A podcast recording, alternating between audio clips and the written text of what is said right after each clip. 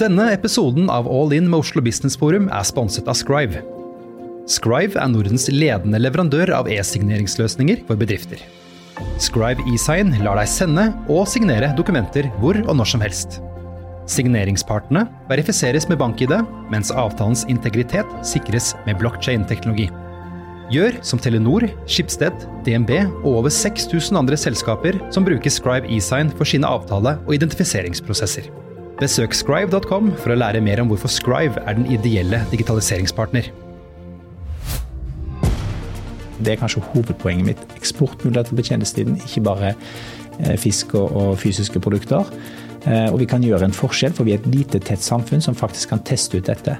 Men vi må tørre det, og jeg ser unge mennesker nå som tør mye mer. Og det er godt.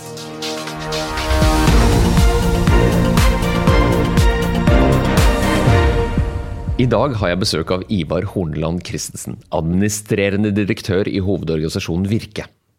Ivar er tidligere generalsekretær i Tekna og administrerende direktør for Nordic Innovation. Han er utdannet siviløkonom fra Norges handelshøyskole og har lang erfaring som leder fra næringslivet, men også lokalpolitikken. Og jeg vet at han er spesielt engasjert i temaene innovasjon, mangfold og ledelse. Så dette er helt perfekt. Velkommen, Ivar. Tusen takk. Du representerer 24 500 medlemmer med mer enn 300 000 ansatte, og leder en organisasjon med 140 medarbeidere. Og Virke er hovedorganisasjonen for handels- og tjenestenæringen. Virkes medlemmer er fra bransjer som handel, kunnskap, teknologi, reiseliv, service, helse, omsorg, utdanning, kultur, frivillighet og mye mer. Det er riktig. Det er mangfold, dette her. Ja, det er mangfold. Det er det. Og under pandemien har du og Virke vært svært synlig og tydelig i media. Og på vegne av deres medlemmer. Og det jeg lurer på i dag under denne samtalen, Ivar, er én hvordan har det vært å jobbe under pandemien, og i hvilken grad har det påvirket utviklingen for en medlemsbasert organisasjon? To, hvilke endringer, samfunnstransformasjoner, følger du ekstra med på? Og tre, hva slags ledersfilosofi har Ivar Kissensen?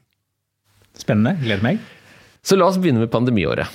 Det ble en del adhoc-jobbing, vil jeg tro. Og hvordan har det vært?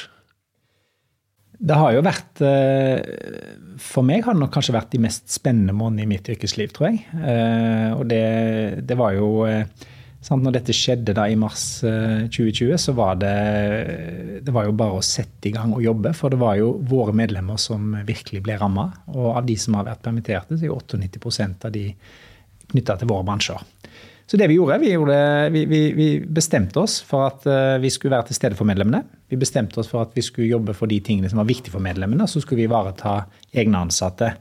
Så vi satte egentlig nesten den organisasjonen vi hadde til side, og bare satte i gang og jobba. Og det som var eh, givende, det var jo at eh, når vi ser litt tilbake nå, så tror jeg selv om ikke vi visste, så tok vi en god del valg underveis der og jobba tett med medlemmene. og har nok litt, eh, i fall litt ære sammen med medlemmene og de andre partene i arbeidslivet for at det har eh, vært gjort gode ting da, som gjør at det ser bra ut for ganske mange, selv om det er noen som fortsatt sliter. Og jeg tror i ettertid så tror jeg ikke vi har løst denne pandemien på så dårlig måte i Norge, da.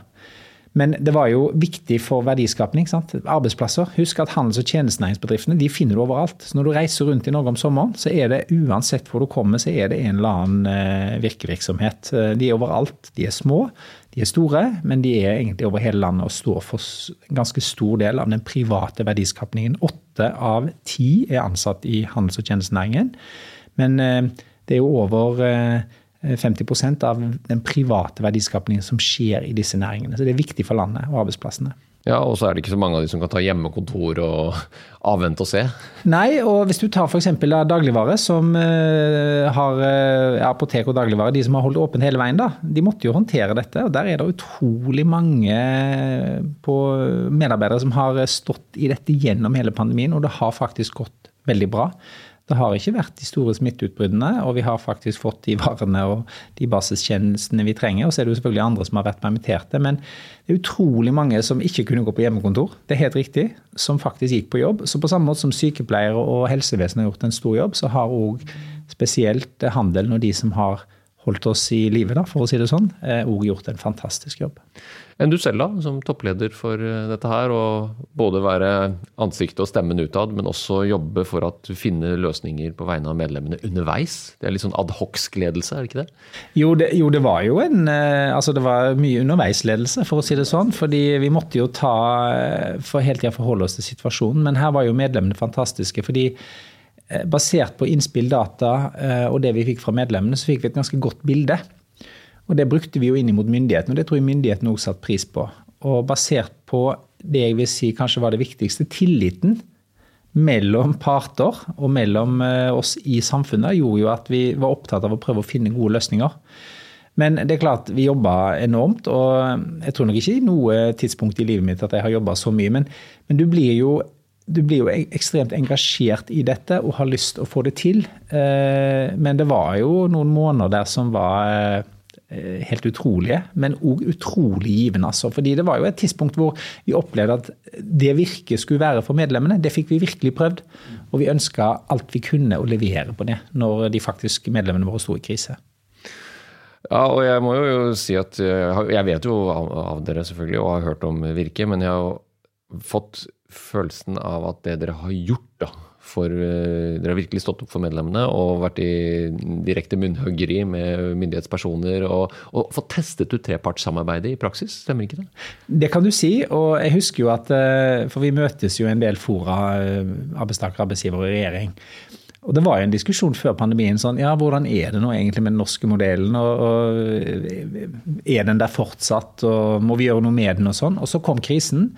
Og da vil jeg si at det var jo tilliten. Så da snakka vi jo sammen både seint og tidlig på kryss og tvers. Eh, mellom både arbeidstaker og arbeidsgiver, men også opp mot regjeringen. Og selvfølgelig var det noen ganger vi var uenige og vi brukte media og sånn, men det var òg mye dialog, masse dialog tidlig og seint, for på en måte å finne løsninger. Og det imponerte meg eh, med både regjering og embetsverk, men òg de andre, at vi, at vi, såpass mye som vi jobba sammen da, for å faktisk finne løsningene. Og, og, det er det unike. Og da er det tillitsdimensjonen i det. Så hvis noen lurer på om det, den, liksom, den norske modellen lever, så kan jeg bekrefte at jeg har vært med på å vise at den faktisk funker.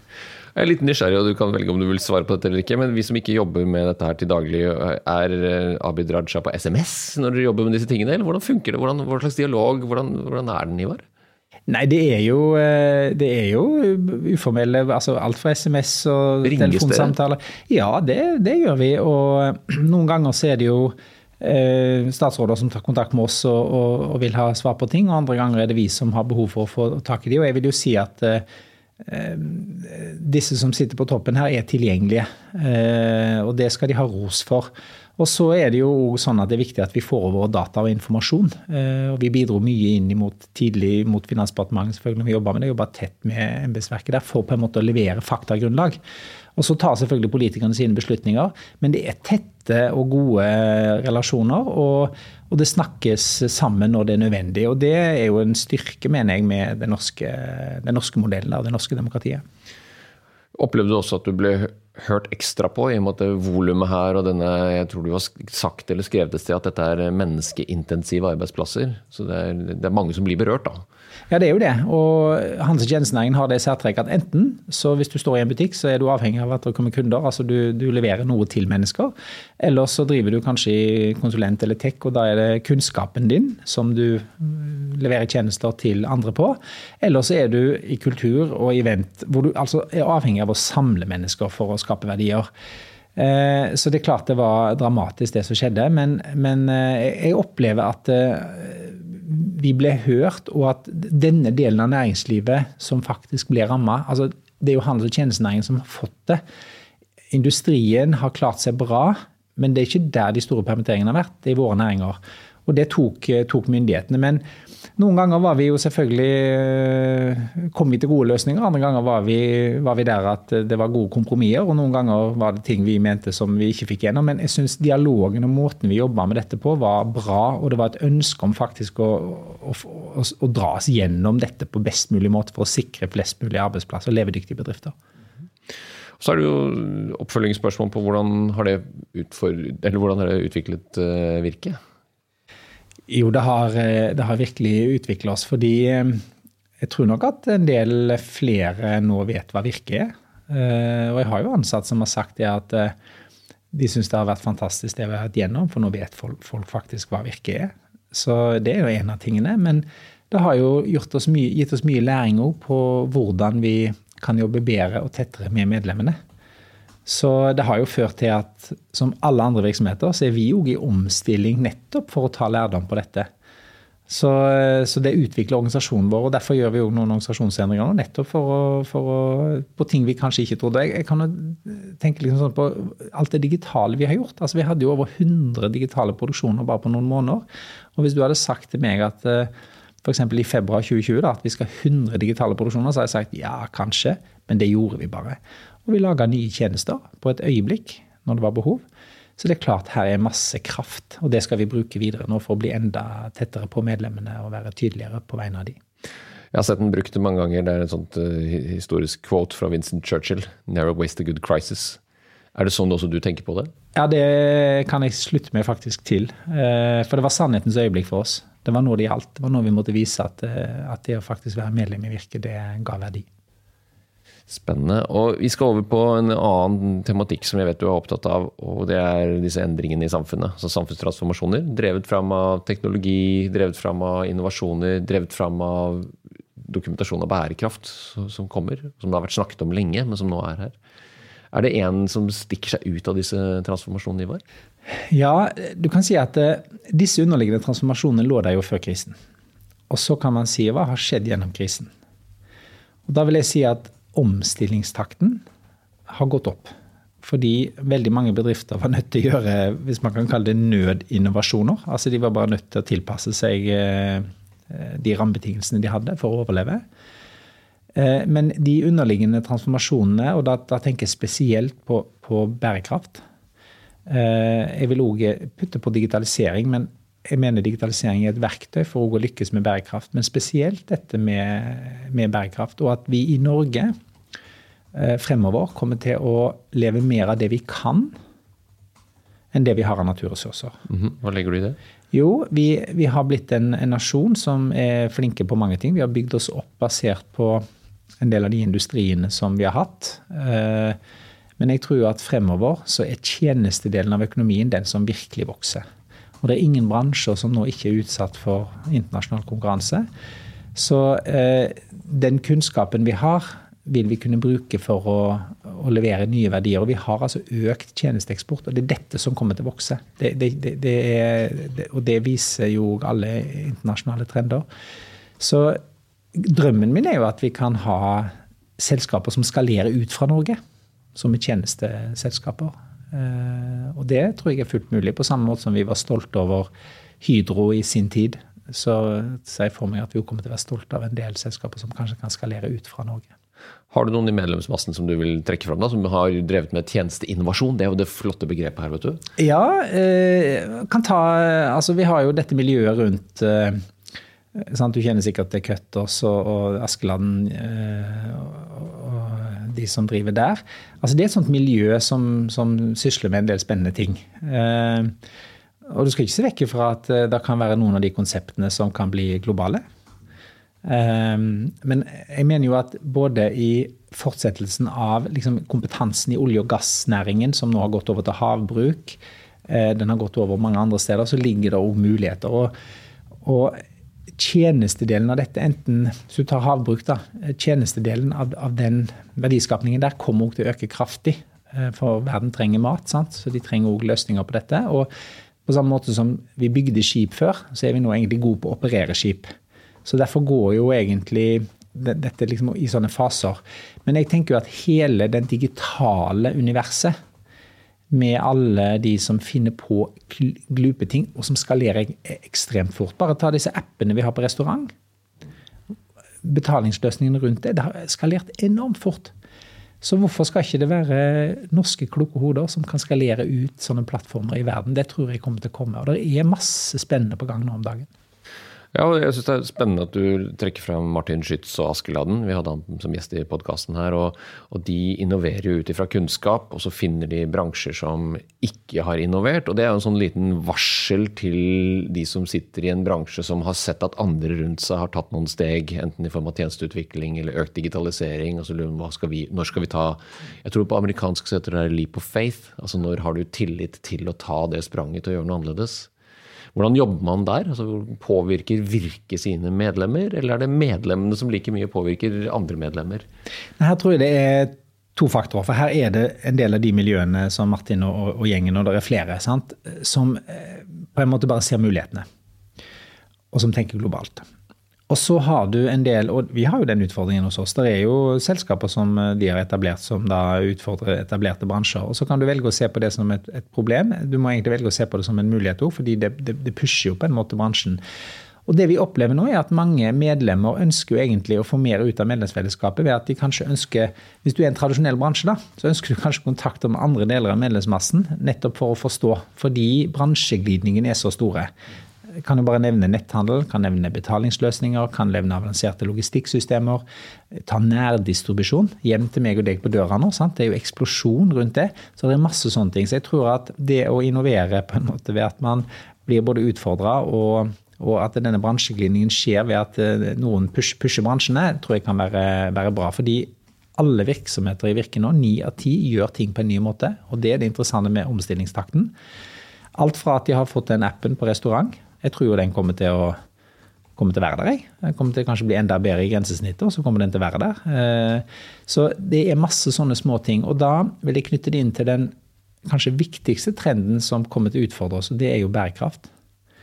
Og der mener jeg at vi i Norge har en unik mulighet. Vi, vi, eh, hvis du tar handels- og tjenestenæringen og disse store, lange verdikjedene som er der, så er det enormt mye arbeid på gang.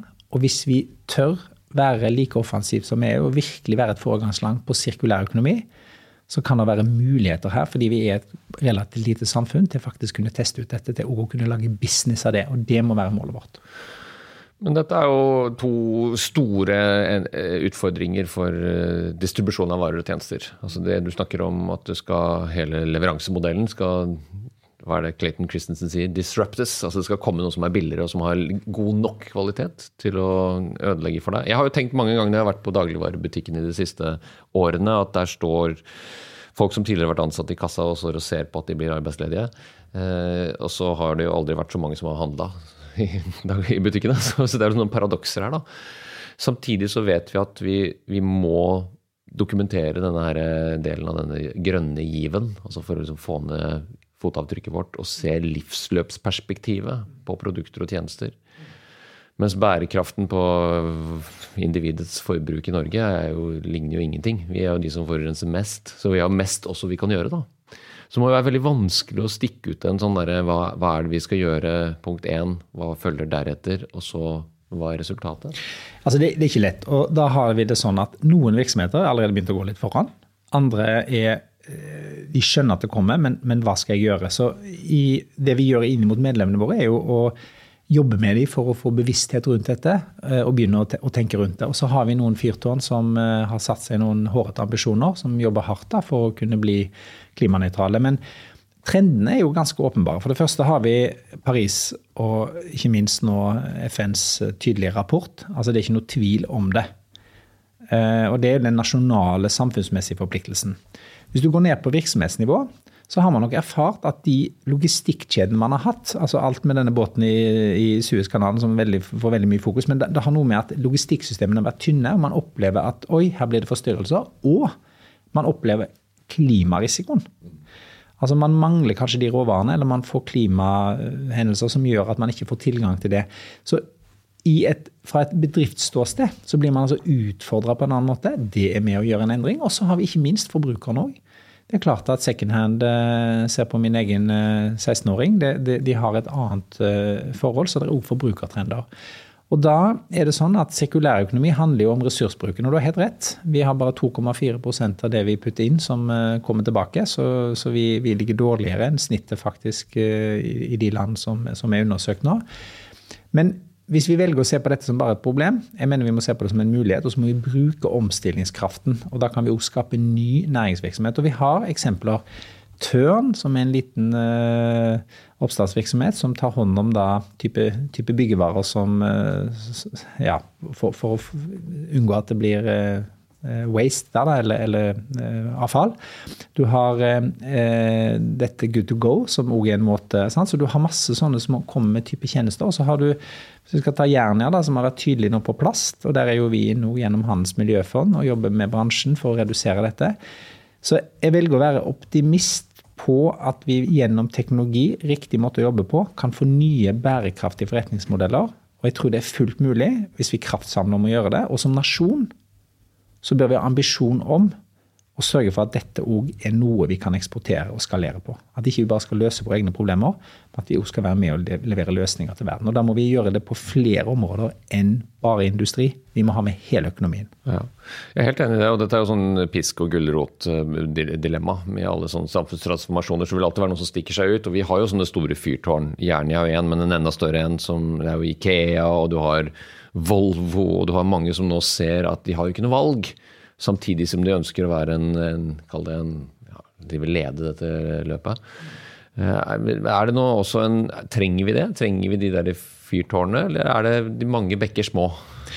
Vi trenger begge deler. Vi trenger alt. For uh, eh, mange bekker små gjør jo at du får noe Vi har et, et medlem som har laget en helt bærekraftig sko Altså bare rett og slett sørge for at de har full kontroll på dette, og den er fullt resirkulerbar. Så det er oppstartsselskaper som utfordrer. Mm. Og så har du da, hvis du tar Ikea, da. Når Ikea bestemmer seg for å lage grønne varehus, altså med det mener jeg at energien til, som brukes i varehusene til Ikea skal være fornybar, så har jo det en enorm etterspørselseffekt i hele verden.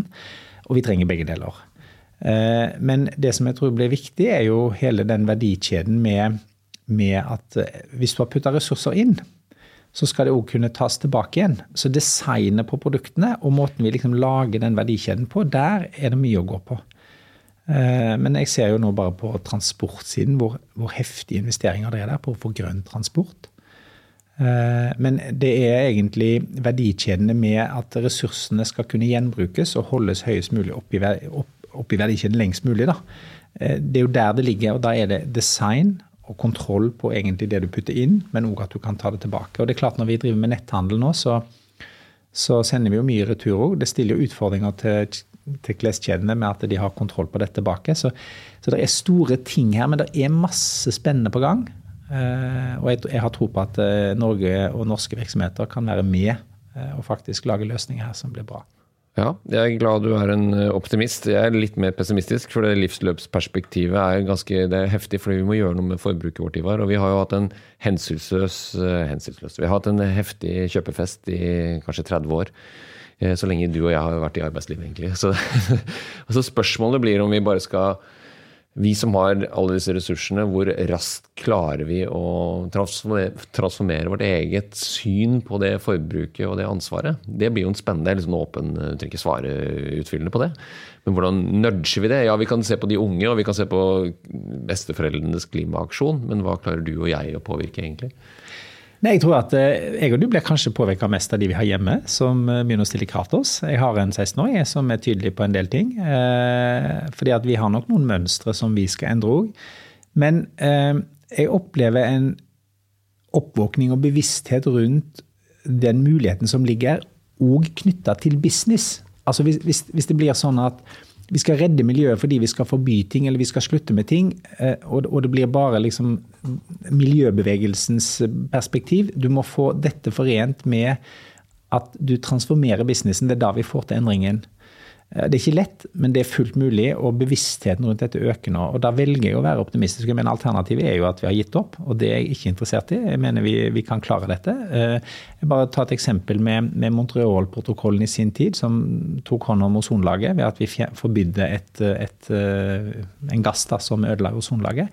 Det viser jo at det er mulig på globalt nivå. Og jeg velger iallfall å tro på det, og jeg tror næringslivet er nøkkelen nøkkelen for å få dette til. Og det er det politikerne Jeg tror ikke nødvendigvis politikerne alene vil klare dette overhodet. Og det kan godt hende at næringslivet nå faktisk er foran på en del ting. Veldig bra, og det er godt å høre. Eh, jeg skal bli litt mer optimistisk neste gang jeg tenker på det. Men det de, vi trenger de eksemplene, og vi, vi, trenger også at de er lokale. Og så, så, får vi bare se hvem det er som nå stikker av gårde med en mer bærekraftig, mer dokumenterbar, men også lønnsom forretningsmodell. Helt riktig. Helt riktig. Mm. Og så er vi over på et veldig spennende punkt på det jeg hadde lyst til å lære litt om. Det er, det er din eh, lederfilosofi. Har du noe sånt? Ja, jeg, jeg, har det. Og det som preger mitt lederskap, er nok eh, det er mennesker. Jeg er veldig glad i mennesker. Og, eh, og people and passion er, er nok det som, som, ligger for meg. Eh, og det betyr at du kan ha de beste planer, eh, og du kan ha tenkt ut de beste resultater, men det handler jo om at eh, mennesker vil være med på det eh, man skal få til, og at du klarer å, å få brukt talentene hos menneskene, og at du får utvikla de talentene for å få nå, nå, målene. Og det er jo det evigvarende som er spennende med ledelse. Fordi er du i en organisasjon, så lærer du noe. Når du kommer til en ny lederoppgave, så har du med deg erfaring, men det er alltid noe nytt å lære. Så ledelse er en ferskvare, men for meg er det det er menneskene. Og det du som leder du har, gitt en, har gitt en mulighet som leder til faktisk å se at mennesker kan vokse. Ja, vakkert. Og jeg må jo spørre deg, for du har jo erfaring både med kommersiell, eh, salgsrettet eh, virksomhet. Nå er du en stor medlemsorganisasjon med samfunnspåvirkning og endrer arbeidsplassen til 300 000 medlemmer, men også vært i politikken. Er det noe, Hvis du reflekterer over det, er det, noen, er det noe vært enklere eller vanskeligere i, med det å ha en sånn mennesketilnærming til det å, å lede? Du kan si at eh, når jeg har erfaring både fra liksom det kommersielle og fra organisasjonslivet og fra politikk, så er det jo mennesker i alle disse situasjonene. Men du kan si at noe av det kanskje heftigste lederoppgaven jeg har hatt, det er når jeg da satt som gruppeleder lokalt, hvor, hvor du får et lag som velgerne har stemt inn. Du setter ikke sammen ditt eget team, men med da mennesker som virkelig vil være med å forandre verden. Og det er en lederoppgave som eh, jeg tror mange skal være klar over at er krevende. Eh, det er noe annet enn når du kommer inn i en organisasjon hvor kanskje målene kan være tydeligere. Men det er det er likevel de samme tingene. Du må se disse menneskene. De må få mulighet til å få brukt seg. Og hvis de òg føler en forpliktelse for det fellesskapet og det prosjektet man går på, og du klarer å mobilisere kraften som ligger der, så får du til store ting. Og det er jo jobben din som leder, eh, å sørge for at du leder gjennom og får eh, mennesker med, med, på det prosjektet. Men at de får brukt seg, eh, er nøkkelpunktet. Jeg, jeg har tenkt på en ting som jeg Opprinnelig hadde jeg ikke tenkt jeg hadde tenkt, opprinnelig tenkt, tenkt å spørre deg, men så hadde jeg tatt det bort. Men nå tar jeg det inn igjen. For en, en, megatrend eller en stor samfunnstransformasjon jeg mener vi ser over tid, er en økende kompleksitet. Det er vanskeligere å være generalist i 2021 og kanskje 2025 enn det var på 1990-tallet og 2000-tallet. Med det så har det også vokst opp en, en, slags jeg vet ikke helt hva det der er for, men en slags ensaksfanatisme. Hvor folk blir veldig engasjert. Og det kan være på arbeidsplassen men vel så mye i lokalsamfunnene og helt opp på nasjonalt nivå. Og så er egentlig den ene saken bare en liten bit av en mye større kompleksitet. Har du det samme bildet av denne endringen vi er inne i? Delvis. altså Man lurer jo alltid på i forhold til hvilken tid man selv ble bevisst da, om, om engasjementet har gått over. Men engasjementet tar nye former. Men jeg mener at engasjementet er der. Og jeg møter mange unge mennesker når vi nå skal ansette, sånn, som er bare imponert over hvor flinke de er, og, og, hvilket engasjement de har. Men det du som leder blir utfordra på i mye større grad, det er jo at uh, du har masse kompetente medarbeidere. og Det å, det å lede kompetente medarbeidere også, er òg krevende. og Du må være mye mer ydmyk på for at folk kan mye, mye mer enn deg. Og på et tidspunkt i i din lederverden så må du komme til en, en trygghet med deg sjøl på at uh, det å faktisk lære av disse andre, uh, det å sørge for å, å, se disse andre og forstå disse andre, er, er, på en måte det som er saken. Fordi som leder så forventes jo at du er med å ta beslutninger. Men, uh, men, du er helt avhengig av andre for at beslutningene blir gode. Og jo flere og mer du får involvert i det grunnlaget for beslutning, jo bedre blir antageligvis den beslutningen, jo lettere blir det å gjennomføre den. Og Der er det nok sånn tror jeg, for mange ledere at uh, første gang du får lederjobb, så syns du det er litt Oi, er jeg noe forskjellig fra kollegaene mine? Ja, du, du er jo litt forskjellig, men du er deg sjøl. Så du må være deg sjøl. Men du må være ydmyk. Og så mener jeg at du må være raus ved at du, ved at du må, må, må, se mennesker. Og det betyr òg at gjennom da å få den tilliten, så er det òg mye lettere å faktisk lede i, i, den retningen som man skal da med den organisasjonen man sitter med ansvar for. Er, for den som hørte på dette, dette er jo da en fantastisk beskrivelse av det som i litteraturen kalles kunnskapsleder. Eh, og det må dere ta til dere, dere som er i tvil om hvilken definisjon det er. Det er da Ivar sin definisjon av kunnskapsleder. Fantastisk. Tusen takk. Hvis jeg skal oppsummere deg nå, så har vi snakket om hvordan dere i Virke, og du var med på å teste ut at trepartssamarbeidet er i aller høyeste grad oppe og virker sånn som det skal være. Eh, det har vært underveisledelse basert på dialog og tillit i, under hele pandemien, og det må vi jo håpe og tro at fortsetter. At det er rom for både stemmer og meningsbrytninger, og at man sammen kommer fram til gode løsninger. Det er jo kjernen vår. Det er jo derfor vi egentlig har lyktes også med olje- og gassvertikalen. Selv om noen i olje og gass mener at det er olje- og gassvertikalen alene sin skyld, så er det for at det har vært tilgang på kunnskap, og kunnskapen har bryna seg til, til organisasjonen og det felles beste. Da.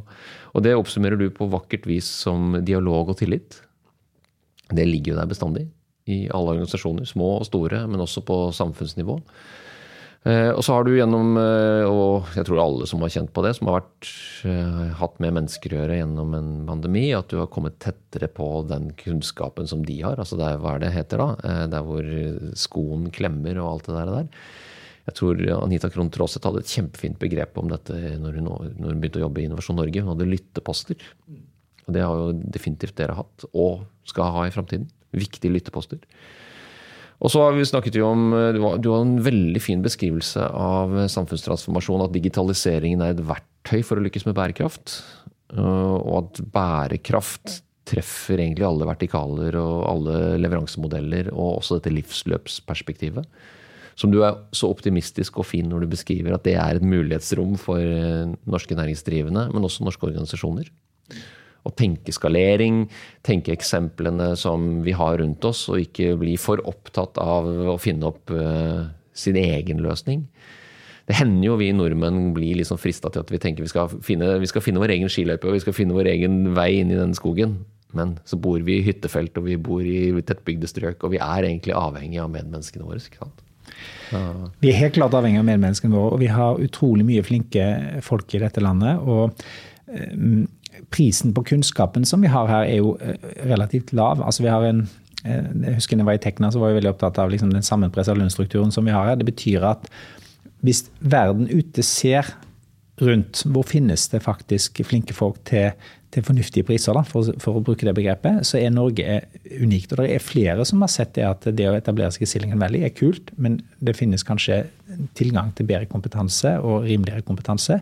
Ikke fordi at ikke folk skal ha godt betalt, men du skjønner poenget mitt. Så kunnskapsbasen vår som vi sitter på, eh, den er jo nøkkelen vår for å lykkes med den bærekraftsaken. og vi, vi, bygger videre på det vi har. og Jeg er ikke i tvil om at eh, Norge kan være med og tørre å tenke stort og ha eksportmuligheter på tjenestesiden. Det er kanskje hovedpoenget mitt. Eksportmuligheter på tjenestesiden, ikke bare eh, fisk og, fysiske produkter. Eh, og vi kan gjøre en forskjell, for vi er et lite, tett samfunn som faktisk kan teste ut dette. Men vi må tørre det, og jeg ser unge mennesker nå som tør mye mer, og det er godt. Veldig bra, og du sier også at ni av ti virksomheter gjør noen ting på en ny måte. Det ble jeg veldig glad av å høre, og det lover jo godt, for det lærer man jo av. Altså Når man gjør noen ting, så er det ikke sikkert man lykkes med en gang. Og jeg tror mange av de som har nå holdt på i, i alle mulige bransjer med apper og teknologi, og de har hatt mye frustrasjon, men de har lært. Så har sett kanskje en større forståelse av hva kunden eller brukeren vil ha. Det ligger det læring i. Og da er det oppstartsselskapene eller de som starter noe nytt, eller intraprenørene i eksisterende selskaper, de har en større læring, eller en raskere læring. Og så tror jeg det var Torgeir Reve som mente at eh, det kommer jo størst sysselsettingsvekst i nystarta selskaper. Nå er det litt diskusjon om det der fra bl.a. Handelshøyskolen. Jeg har ment å demontere dette her, men, men, det kommer litt an på hva man sammenligner. Og, og det er en sånn spennende ting for nye nysgjerrige utfordrere kan tilegne seg kunnskap som har ligget der i generasjoner eller mange mange tiår, og så kan de raskt overta en god porsjon markedsandel fra de bestående. ikke sant? Og helt til slutt oppsummert eh, lederfilosofien din. Du er glad i mennesker og, og, setter det høyt opp på lista også når du snakker om ledelse. Det er veldig fint. Og jo eldre du blir som leder, nå snakker jeg ikke om deg, men deg som hører på, så vær obs på det at eh, det betyr ikke at du nødvendigvis har sett og hørt alt. Det er fordi at du kan eh, vri det om til å bli mer ydmyk og raus. For de som kommer etter deg, de kan noe annet og kan antakeligvis mer. Og kommer aldri til å tilegne seg den erfaringen som man har når man har jobbet i 20 eller 30 år i arbeidslivet. Og det å være en kunnskapsleder er jo nettopp det. Å lede kompetente mennesker. Mm. Knytte ett ord til, hvis jeg får lov til det. fordi For meg er det nysgjerrighet og mennesker. Og eh, jeg har sagt det til meg at hvis jeg, hvis jeg, er i en jobb hvor jeg ikke er nysgjerrig og indre motivert drevet lenger eh, av det jeg holder på med, så skal jeg ikke ha den jobben. Så det har nok prega meg opp gjennom alle de jobbene jeg har hatt, at det har vært en indre motivasjon og en nysgjerrighet på det. Og da er det nysgjerrighet på hva andre kan, men noen nysgjerrighet på det vi skal få til. Og det tror jeg er viktig at du må ha som leder. altså Du må ha den driven hvis du skal klare å, å få andre til å være med på, eh, på at vi når de målene vi skal nå. Supert. Tusen takk, Ivar, og takk for at du kom hit. Og så får jeg bare si, fortsett som du, slik du stevner. For det, det, er spennende å følge med dere i Virke, og også de andre medlemsorganisasjonene i Norge. For dere gjør en viktig jobb for både ansatte og de som vil utvikle morgendagens virksomheter. Takk for at jeg fikk komme.